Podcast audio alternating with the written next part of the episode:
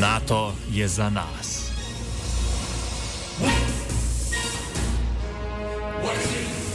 Na Brdu pri Kranju se je danes začel uradni obisk generalnega sekretarja Severnoatlantskega zavezništva Jensa Stoltenberga. V kongresnem centru v Brdu sta s svežim premijem Marjanom Šarcem imela sestanek in fotografiranje. Poleg kosila pa je za njiju slovenska vojska izvedla predstavo oziroma vajo kopenskega odreda za specialno delovanje neutraliziranja delovanja sovražne celice.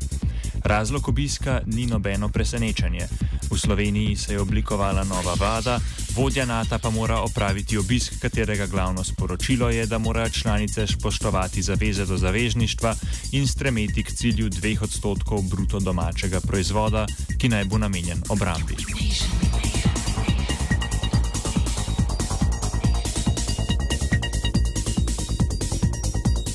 Sloveniji se zadnjih deset let poraba za obrambo giblje okoli 1,1 odstotka BDP vendar pa je bilo v današnjih govorih državnikov slišati napovedi o postopnem zviševanju tega deleža, čeprav brez obljub o normi dveh odstotkov.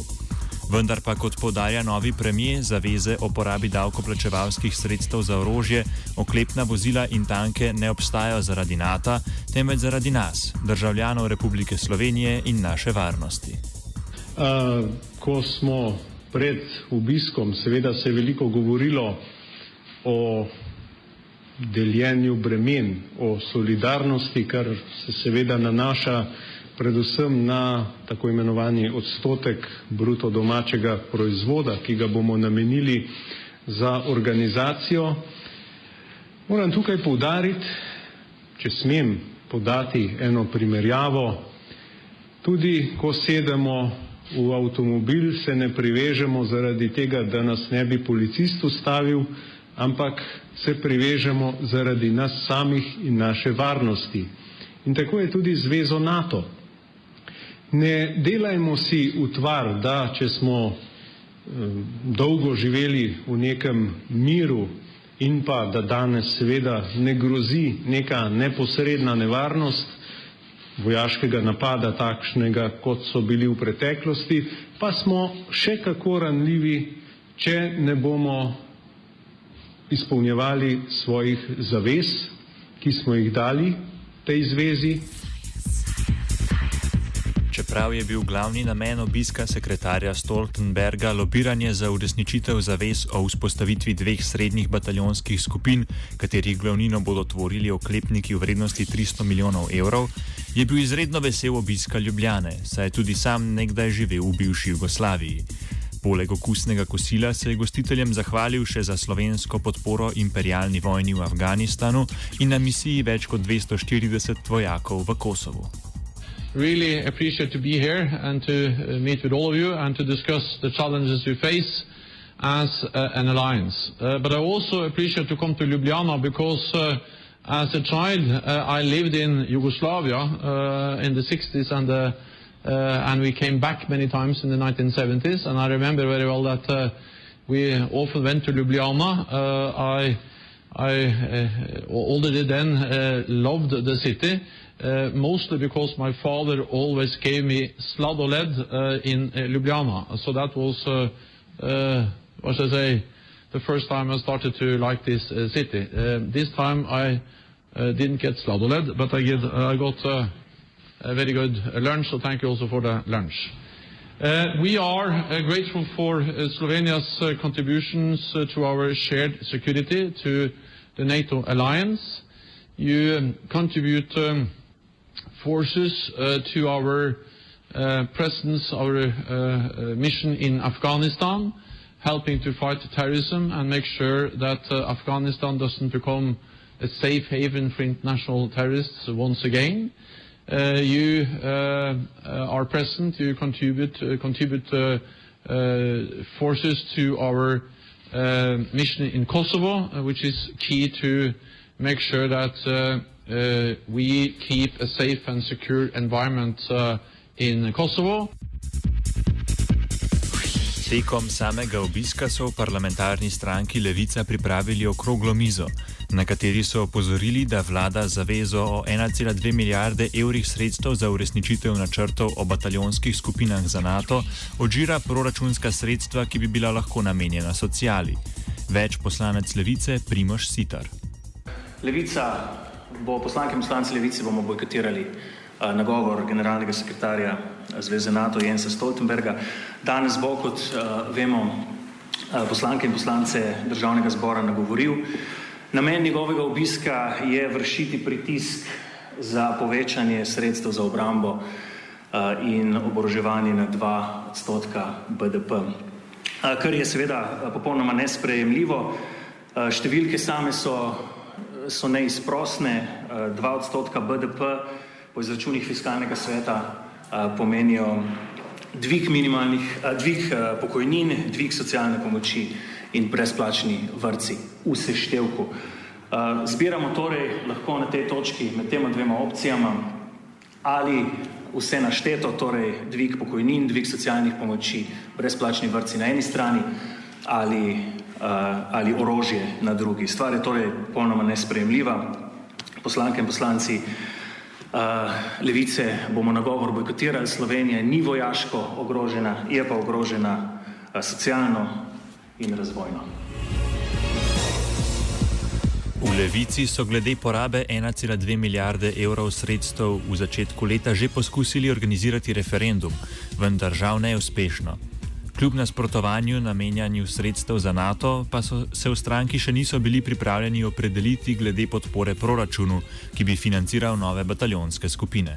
Ja, kasneje pomeni, recimo za podporo proračunu oziroma rebalansu proračuna, če bo šlo v smer dvigovanja stroškov za obrambo No, o podpori levice uh, proračunu stvar še, dogovori še tečejo, uh, o konkretnih točkah bomo sproti, bomo sproti ustili.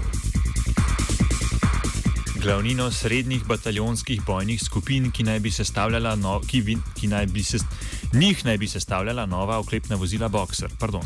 Skupna vrednost teh vozil naj bi znašala 306 milijonov evrov, vendar pa še ni povsem znano, ali gre za končno ceno.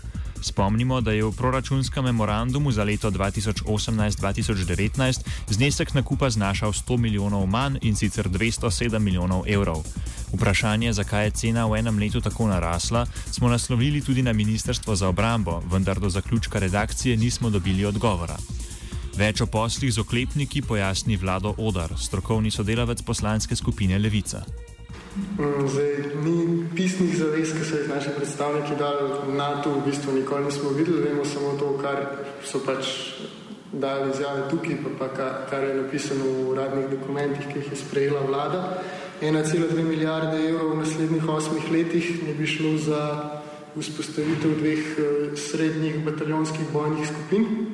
V bistvu glavni del tega stroška pa nos eh, nakup oklepnikov Boxer 8x8 eh, v proračunskem memorandumu iz leta 2018, meni se zdi, je bil strošek nabave ocenjen na 200 milijonov evrov. V roku enega leta se je ta številka dvignila za 50 odstotkov. Um, najprej je šlo na 250 milijonov, potem se je špekuliralo, da bo 280 v zadnjem uradnem dokumentu, ki smo ga dobili v državnem zboru, je skupni strošek nabave ocenjen na 306 milijonov evrov. Um, s tem, da se je na začetku govorilo o nekaj čez 100 bojnih vozilih, zdaj je ta številka padla že na manj kot 50, ne, 48 ali 46, to bi mogel pogledati. Um, potem so pa tukaj še stroški vzdrževanja v naslednjih 30 letih, ko gre življenjska doba teh oklepnikov, ki bojo pa še presegli tudi sam strošek nabave.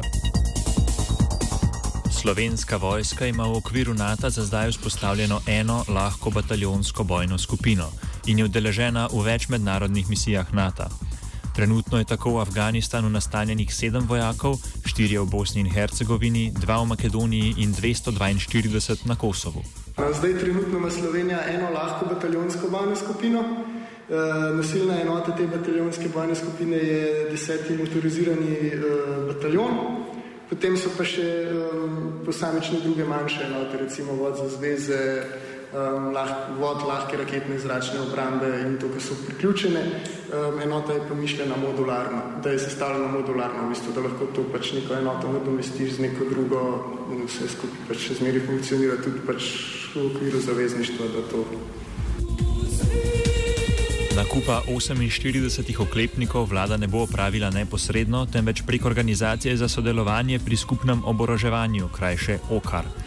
Ta bi ob pridružitvi Slovenije v, skup v skupino pridobila posebne imunitetne pravice, kot je naprimer nedotakljivost arhivov organizacije, njeni predstavniki pa imuniteto pred aretacijo in odvzemom osebne prtljage.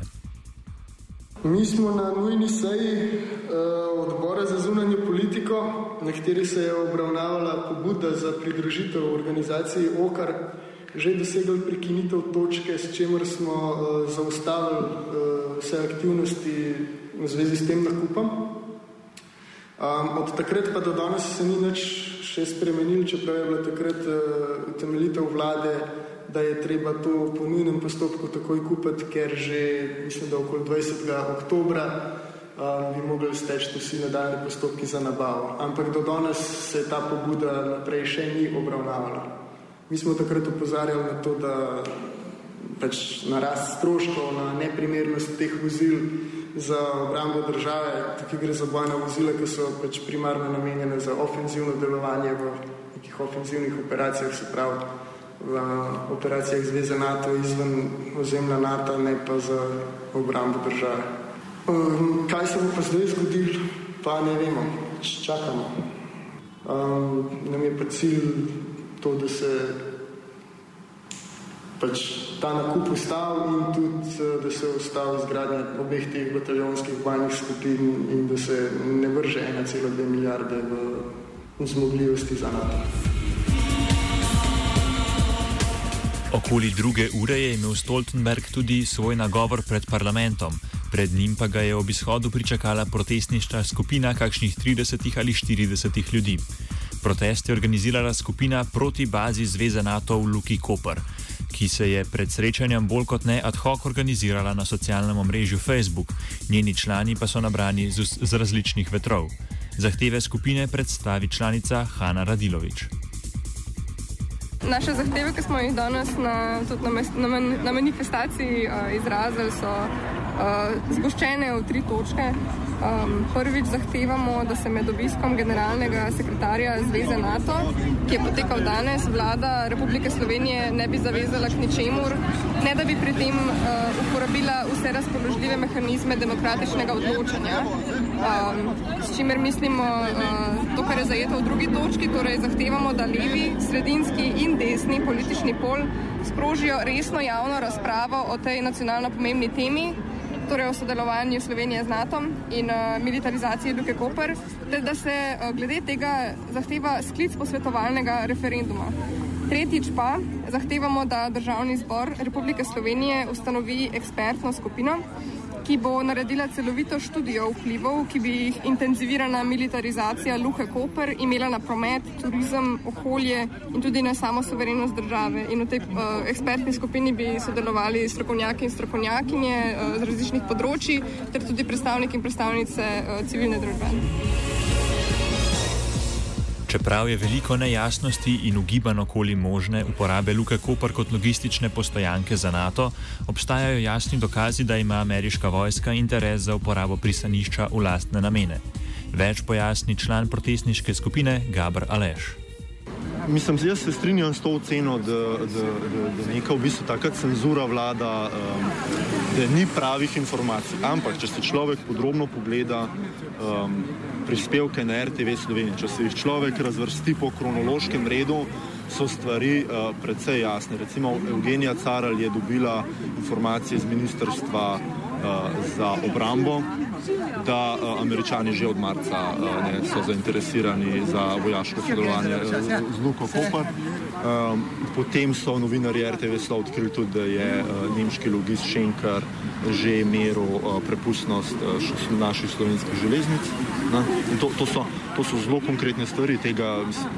Če veš, da je to? To, mm, to je bilo nekje vmes. To je bilo nekaj vmes. Ne. Potem so v Luki Koper najprej zavrnili to sodelovanje, uh, potem so se pa z njim strinjali. Potem so se pojavile tudi informacije, ne, da bo šlo samo za uh, vojaško vajo NATO, Trident. Um, recimo v pismu, um, ki ga je dobila Evgenija Caral, pa ga lahko najdete na RTV Slovenija, če ostavite posnetek. Um, je jasno razvidno, da ta vaja sploh ni omenjena, da je omenjeno samo to, da si želijo uh, pač, uh, svojo vojaško opremo lifrati. Uh, potem uh, se je prišla ta informacija, da gre v bistvu za prenose uh, vojaške opreme in vojske na Polsko in iz Polske. Tako da to so kar eni taki veliki znaki, indici, da se nekaj uh, gotovo premika na tem področju in če ti na vse to politika, ne, uradna politika reče samo, da gre za enkraten komercialen posel, kot je rekel Karol Rjavc, ne, ministr za obrambo, ali pa uh, da gre samo za neke poskuse komercialnega sodelovanja uh, ameriške vojske z Luko Koper. Uh, mislim, da une informacije, ki sem jih prej povedal, kažejo precej širšo sliko. Skupina proti bazi Zveze NATO v Luki Koper je morda nastala tik pred obiskom generalnega sekretarja, vendar pa kljub temu ne izključujejo možnosti nadaljnega delovanja v primeru militarizacije pristanišča. V kolikor da se Luka Koper nadalje militarizira in da pride nekaj do konkretnih informacij, se bo delovanje skupine nadaljevalo? Mislim, da ja. Mislim, da ja, eh, naša pobuda je šla sicer bolj v to smer, eh, da bi odprli razpravo v političnem prostoru, ker največji problem tega trenutka je, da eh, se o tem sploh ne, ne pogovarjamo. Ne? Da, da je to neka pa se tema, tudi recimo o prihodu generalnega sekretarja, ni bilo v bistvu prav veliko poročano. Tudi če pogledate medijski diskurs RTV danes ne, v tem prihodu, je bil v bistvu precej hlapčovski, ne? Eh, tako da se mora, mora Slovenija zresni, začeti se lepše obnašati, se potruditi, ne? Eh, da je naš prispevek uh, za stonkarstvo, ne? čeprav dajemo en procent BDP-ja, recimo v Belgiji, kjer ima pa NATO svoj sedež, pa daje manj od nas. Ne? Tako da mi si želimo predvsem, da bi uradna Eh, politika uh, kaj naredila in seveda računamo na, na levico, ne, ker nam je po stališčih najbližje. Vsi pa osebno mislim tudi, da bi mogli predstavniki desnega političnega pola, ki jim gre za domovino, um, vprašati ljudstvo, a, a si to tega želijo, ne, a si želijo, da se vem, tanki premikajo uh, po, po njihovi zemlji. Eh, ker uh, bo Poljska recimo plačala Ameriki, da jih brani pred rdečim medvedom. To, to, to, to so vprašanja ne, in, je, in treba je prebiti ta politični moč. Kaj se je dogajalo za zaprtimi vrati, kjer sta se pogovarjala obe glavi današnjega srečanja, Šarac in Stoltenberg, ni znano. Ena od uličnih špekulacij na protestu, katere resničnost se bo pokazala šele v prihodnosti, pa je, bo, ali bo vlada v zameno za neuresničeno zavezo o dveh odstotkih vrednosti BDP-ja namenjenih obrambi za namene vojaške logistike zavezništva NATO ponudila Luko Koper.